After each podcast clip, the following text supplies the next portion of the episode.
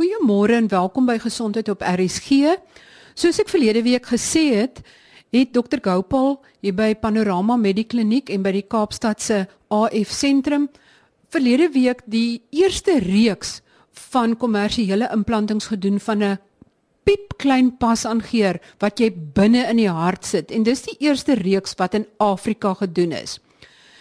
Dr Gopal, vertel ons bietjie meer van hierdie baie klein intrakardiale passangeer wat mens binne in die hart sit want ek het nog altyd gedink dit word buitekant die hart gesit en met drade gekoppel maar hierdie een het nie eens drade nie Hallo Marie en en weer eens uh, nogmaals dankie vir die uitnodiging.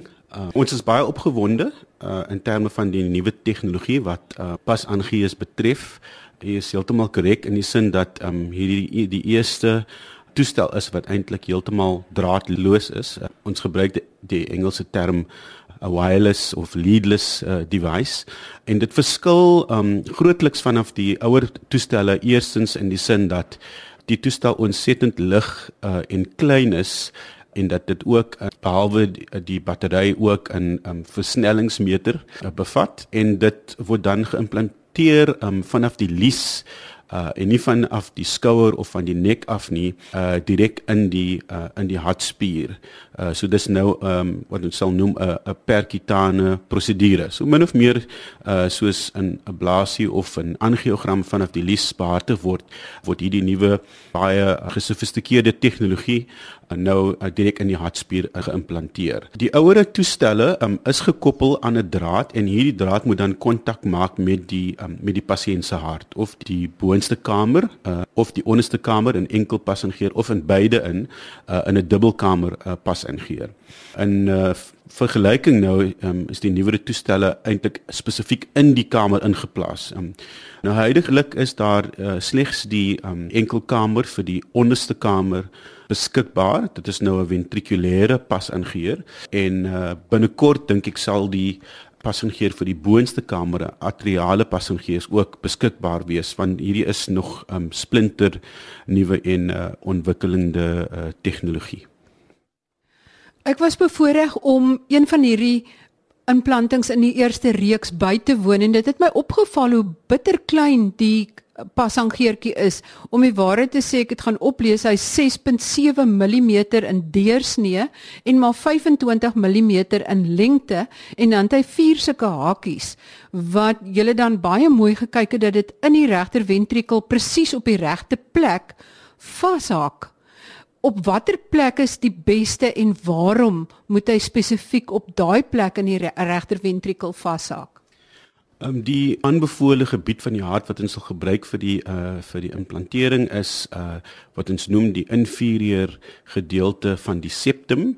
Uh nou die septum is eintlik die skeiding uh tussen die regter en die linker uh onderste pompkamers tussen die ventricles en dit is 'n baie stewige en verdikte gedeelte van die hartspier uh wat ook die kanse van perforasie dan sal uh, verminder wat met enige passing gee natuurlik kan gebeur. Ons um, gebruik dan hierdie klein hakies of tines uh om dit te lokaliseer in die inferiore gedeelte van die septum self en al die studies wat betrokke is in terme van die tegnologie die nuwe uh pas ingees en in hierdie geval nou die draadloose tipe um gebruik daai spesifieke gebied van die hart en uh, ons weet dit keer die die toestel redelik stabiliteit. Uh en is ontsettend belangrik om uh, op te let dat uh, die afgelope paar jaar sedert die toestelle ingeplaas is, is daar nie uh 'n enkele gedokumenteerde dislokasie van die toestel en dat um, hierdie uh tines of hakies wat eintlik hierdie kleine uh, apparaatjie in die hartspier in um, vashak baie betroubaar is. Dan het ek ook verneem dat daar baie gou nadat die klein apparaatjie ingeplant is, die liggaam se eie endoteelselle bo oor hierdie klein apparaatjie groei, sodat die kans vir verwerping of 'n friksie baie baie skraal is. Ja, ons weet vanaf die uh, histologiese uh, en patologiese anatomiese studies dat uh, die uh, toestel word geepitelialiseer epitelialiseer. Dit wil sê bedek deur die liggaam se eie beleining. Heel waarskynlik binne die eerste paar weke maar definitief uh, alreeds op 3 maande um, jy weet is is is die toestel heeltemal bedek. Ja dit gee wel uh, die voordeel um, dat dit maak weer eens die kans vir enige dislokasie of beweging van die toestel dan amper sou ek sê onmoontlik want dit is nou deel van die liggaam. Maar in terme van as dit nou nodig sou wees om byvoorbeeld die die toestel wel te uh, retrieve uh, sal dit dan nie moontlik wees nie want dit is nou nou vas uh, alreeds vas gegroei in deel van die liggaam die groot voordeel natuurlik daarin is dat ons het geen kommunikasie met die vel nie en die die hoofprobleem wat ons kry met passangeers en wat baie keer 'n lewensbedreigende komplikasie is is infeksie. Uh, Huidiglik is die kanse van uh, infeksie en ook um, komplikasies wat beskryf is met die ouere toestelle aansienlik minder met met hierdie nuwe tegnologie wat vir my regtig baie opgewonde maak. Ek het gesien die internasionale literatuur beskryf dit as veiliger en die toestel van keuse in die toekoms. Stem jy daarmee saam?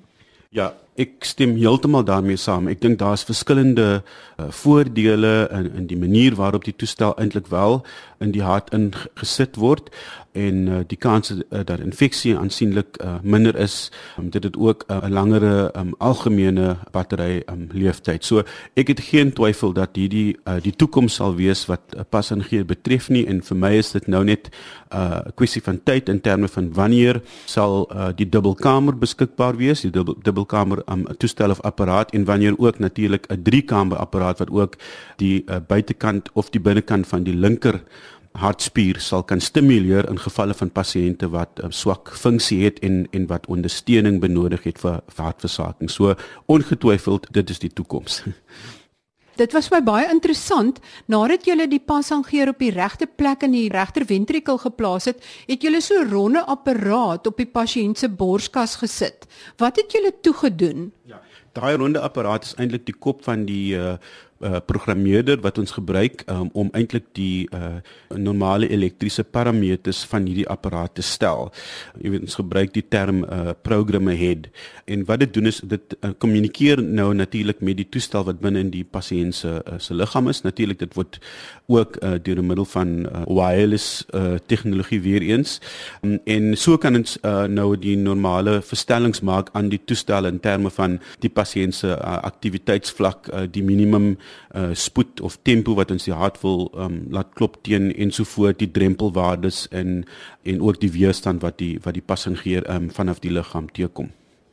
En as jy op 'n latere stadium weer verstellings moet maak, dan kom die pasiënt bloot in en jy sit weer daai ronde ding op die pasiënt se borskas. Ja, absoluut. Dit is dit is hoe dit gedoen word, ja.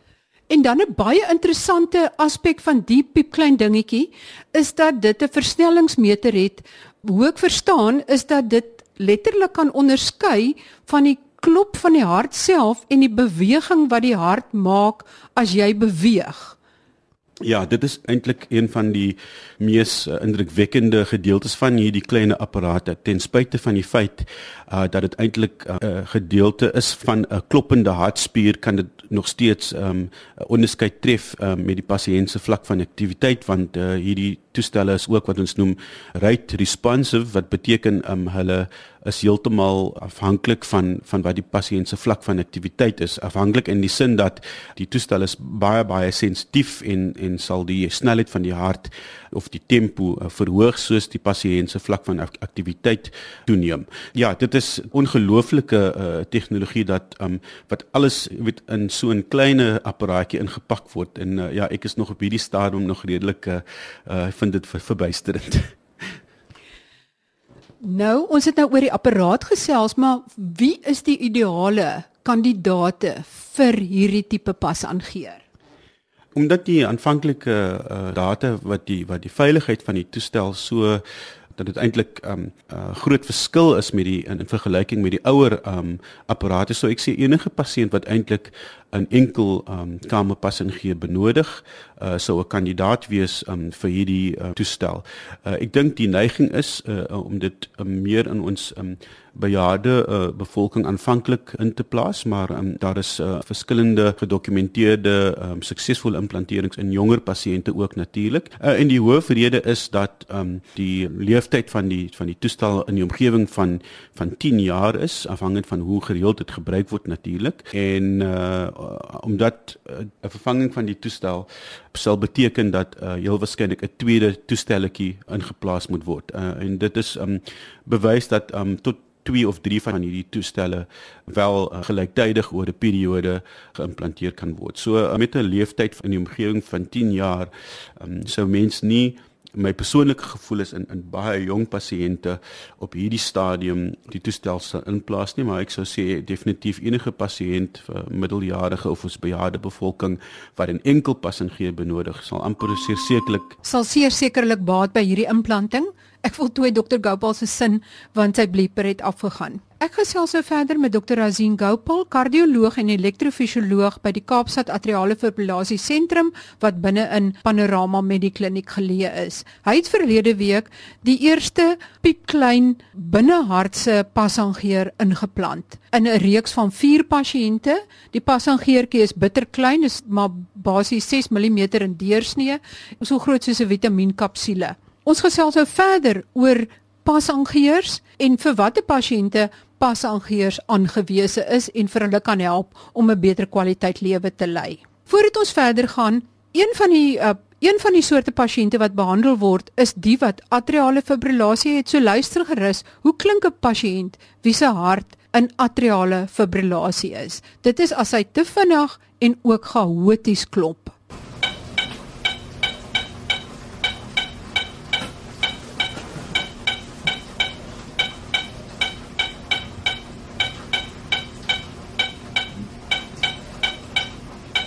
Dit is nou terwyl die hart eintlik so moet klink want hierdie is 'n normale sinusnode ritme.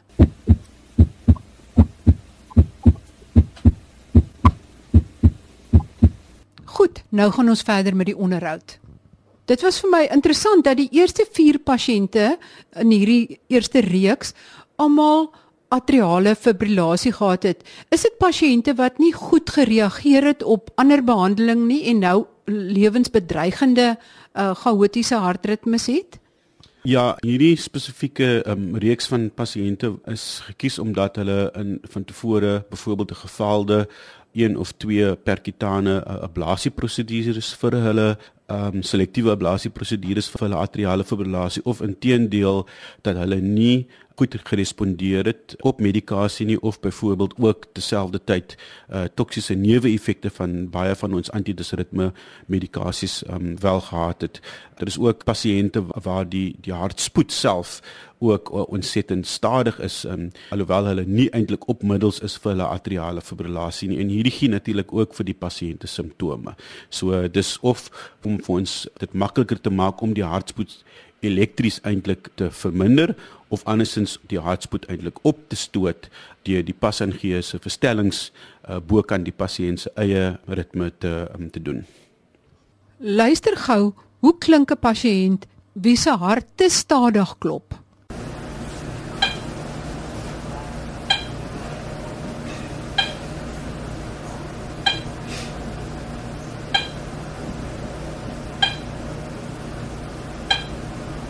As mens die passangeer insit, hoe weet mens dat dit die sinusritme aanvaar? Met ander woorde die hart se normale ritme.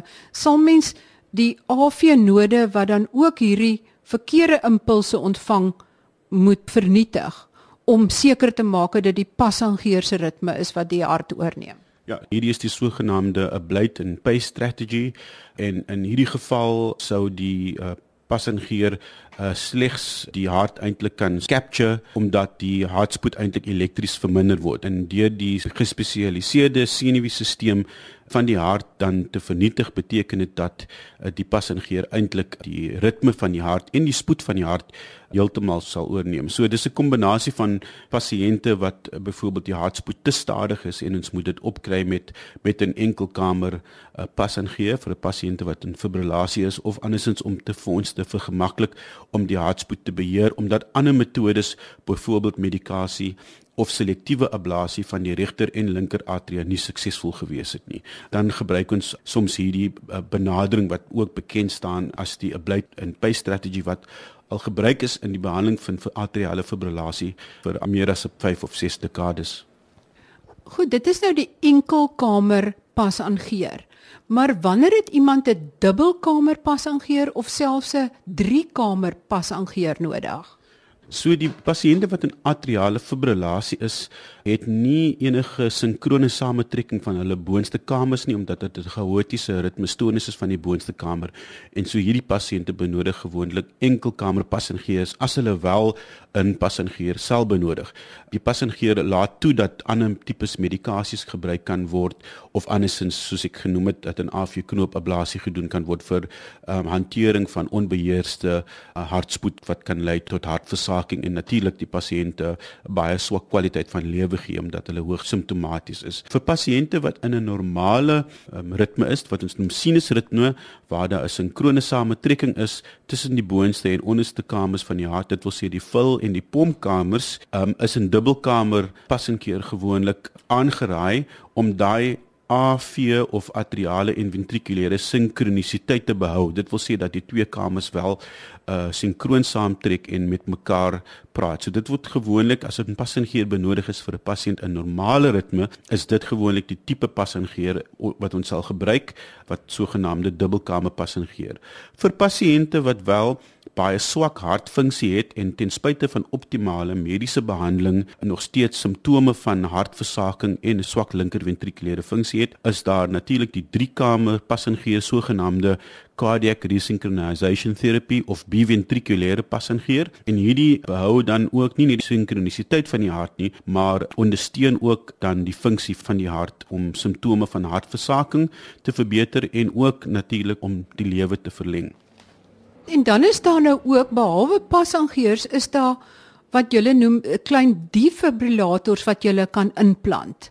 Hoe werk dit en hoe verskil dit van 'n pasangeer? So eh, die defibrillator het eintlik 'n spesifieke doel uh, en dit is om pasiënte uit gevaarlike of uh, lewensbedreigende ritmestoornisse om dit eintlik te termineer en dit kan dit termineer deur middel van sogenaamde overdrive pacing waar byvoorbeeld as die hartspoed 190 per minuut is dat die pasangeer gestel kan word om die hart vinniger die pas aan te gee byvoorbeeld 220 per minuut en so die ritmestoornis te termineer uh, sogenaamde anti-tachycardia pacing of andersins kan dit natuurlik die pasiënt ook uit 'n lewensbedreigende ritme uitskok deur middel van 'n gesinkroniseerde skok binne in die hart te gee. Nou weer eens die tegnologie is besig om baie baie vinnig hier ook te verander in die sin dat die aanvanklike defibrillator apparatus wat ons gebruik het, die meeste van hulle word nog binne in die hart ingeplant. Dis 'n gewone passingeer. Dit wil sê 'n klein pulsgenerator uh, onderkant die um, die subkutane huid van die skouer, um, net onderkant die vel en dan deur middel van drade wat gekoppel is met hierdie batterytjie wat hierdie gereig na die hartspier toe, gewoonlik in die regter ventrikel en dit bevat dan 'n spesifieke skokgedeelte van hierdie draad wat toelaat dat hierdie energie en krag aan die hartspier gegee kan word. Uh, die nuwere defibrillators weer eens sal um binnekort in in hierdie land beskikbaar wees en um hulle uh, word ook onderhuids geplaas maar die verskil is dat um hulle elektrodes buite kan die hart sit. So weer eens die kanse van infeksie dan van hartkleppe, hartspier en septisemie uh, word aansienlik verminder deur hierdie uh, nuwe tegnologie en die uh, aanvanklike studies is baie bevredigend in die sin van die effektiwiteit van hierdie nuwe toestel wat bekend staan is as 'n subkutane defibrillator en nie meer 'n inwendige een nie.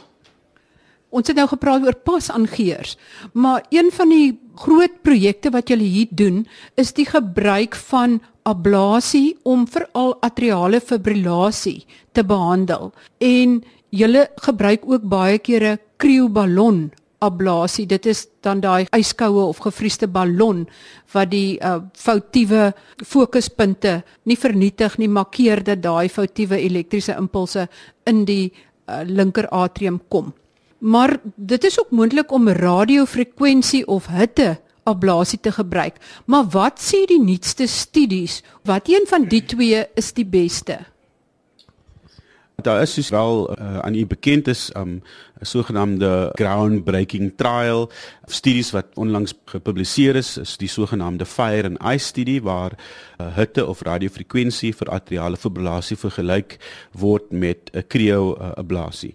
Eerstens uh, om te noem dat beide tegnieke wel effektief is vir die hantering van atriale fibrillasie, maar uh, my persoonlike oogpunt en ook die um, sekondêre analises van die studies uh, het duidelik getoon dat na uh, atriale fibrillasie ablasie met cryo ablasie wat eintlik die 'n tegniek is van intense koue te gebruik uh, om eintlik um, hierdie vier puntjies uh, in die pulmonale venus eintlik te te vernietig wat min of meer as 'n tipe trigger optree om die fibrillasie aan die gang te kry. Uh, is dit gewys in die groep van pasiënte wat aan koue uh, terapie of cryoablasie uh, blootgestel dat hulle uh, aansienlik minder hospitalisasies na die prosedure uh, ondergaan het in, in spesifiek vir atriale ablasie self. Uh, dit is gewys dat hierdie pasiënte ook uh, minder uh, opvolgablasies benodig het en ook minder skokke direkte um, skokke aan die hart natuurlik om die hart terug in normale ritme in te sit. So ek dink dat hierdie veranderinge in die twee tegnieke uh, 'n baie groot effek gaan hê uh, op ons um, daaglikse kliniese uh, praktyk natuurlik want um, jy weet veral in die lig van uh, mediese fondse um, en so voort en en die onkoste aan hierdie prosedures betrokke wat nie um, klein is nie. Ek dink hoe minder direk prosedure uh, verwante komplikasies 'n mens na die tyd sou kry dat dit eintlik dan natuurlik in baie meer finansiëel uh, doeltreffende uh, tipe uh, prosedure is uh, sogenaamde uh, cost effectivity. Terselfdertyd wil ek ook noem dat daar nou onlangs net 'n studie is waar daar gepubliseer is weer eens in terme van die veiligheids vlak in terme van die twee tegnieke en uh, daar is definitief baie baie duidelike bewys uh, dat die twee tegnieke um, so min of meer gelykbaar is, maar sekerlik as 'n mens baie meer radiofrekwensie of hitte tydens die prosedure moet uitvoer, dat dit definitief uh, 'n uh, hoër morbiditeit um, en mortaliteit en komplikasiesyfer het uh in vergelyking as net die gewone pulmonale vene isolasie met die uh cryo um, ablasie ballons. Soos ons al nou van tevore gesê het, ek was altyd baie opgewonde oor hierdie tegnologie. Ons het sekerlik een van die um, grootste uh, reekse in die uh, ontwikkelende wêreld en ek dink dat um, my uh, gevoel vir die vir die tegnologie nou verder uh, gekonsolideer is deur die uh, uitkomste van hierdie studies. Dokter Gopal, as jy 'n finale boodskap het vir luisteraars wat nou luister oor hartritme probleme, veral dan in ouer mense, wat sal dit wees? Eh, weereens, jy weet ek gee um, die uh, advies in terme van atriale fibrillasies, uh, een van die uh, hoof uh, neeweffekte uh, of morbiditeit of mortaliteit gebonde aan hierdie toestand is eintlik beroerte en nie 'n passingeer uh, of nie 'n ablasie gaan eintlik die kanse van daai beroerte verminder as die risiko vir beroerte hoog is nie. So die pasiënt byvoorbeeld wat ons noem die CHAD score het 'n pasiënt wat 'n hipertensie het, uh, van 'n vroulike geslag is, bo kan die ouderdom van 75 of 'n pasiënt wat 'n van tevore beroerte gehad het en spite van al hierdie wonderlike en ontwikkelende tegnologie is die bloedverdunner nog steeds die cornerstone van die behandeling van atriale fibrillasie. In die res van wat ons doen is hoofsaaklik om simptome te verbeter, kwaliteit van lewe, natuurlik in pasiënte wat ook spoedgeïnduseerde uh, swak harte het, um, is die prosedure wat ons dan kan doen in terme van passingees of ablasie baie keers ook lewensverlengend maar net weer eens om klem te lê op die feit dat um, bloedverdunning is is absoluut uh, 'n uh, moed in pasiënte wat tot risiko is uh, vir beroerte. Nou dwing jy my om nog 'n vraag te vra en dit is as jy praat van bloedverdunning dan praat ons nie van aspirien nie. Ons praat van warfarin of die nuwe generasie antistolmiddels. Wat is in jou oë die beter middel? Wat skryf jy makliker voor?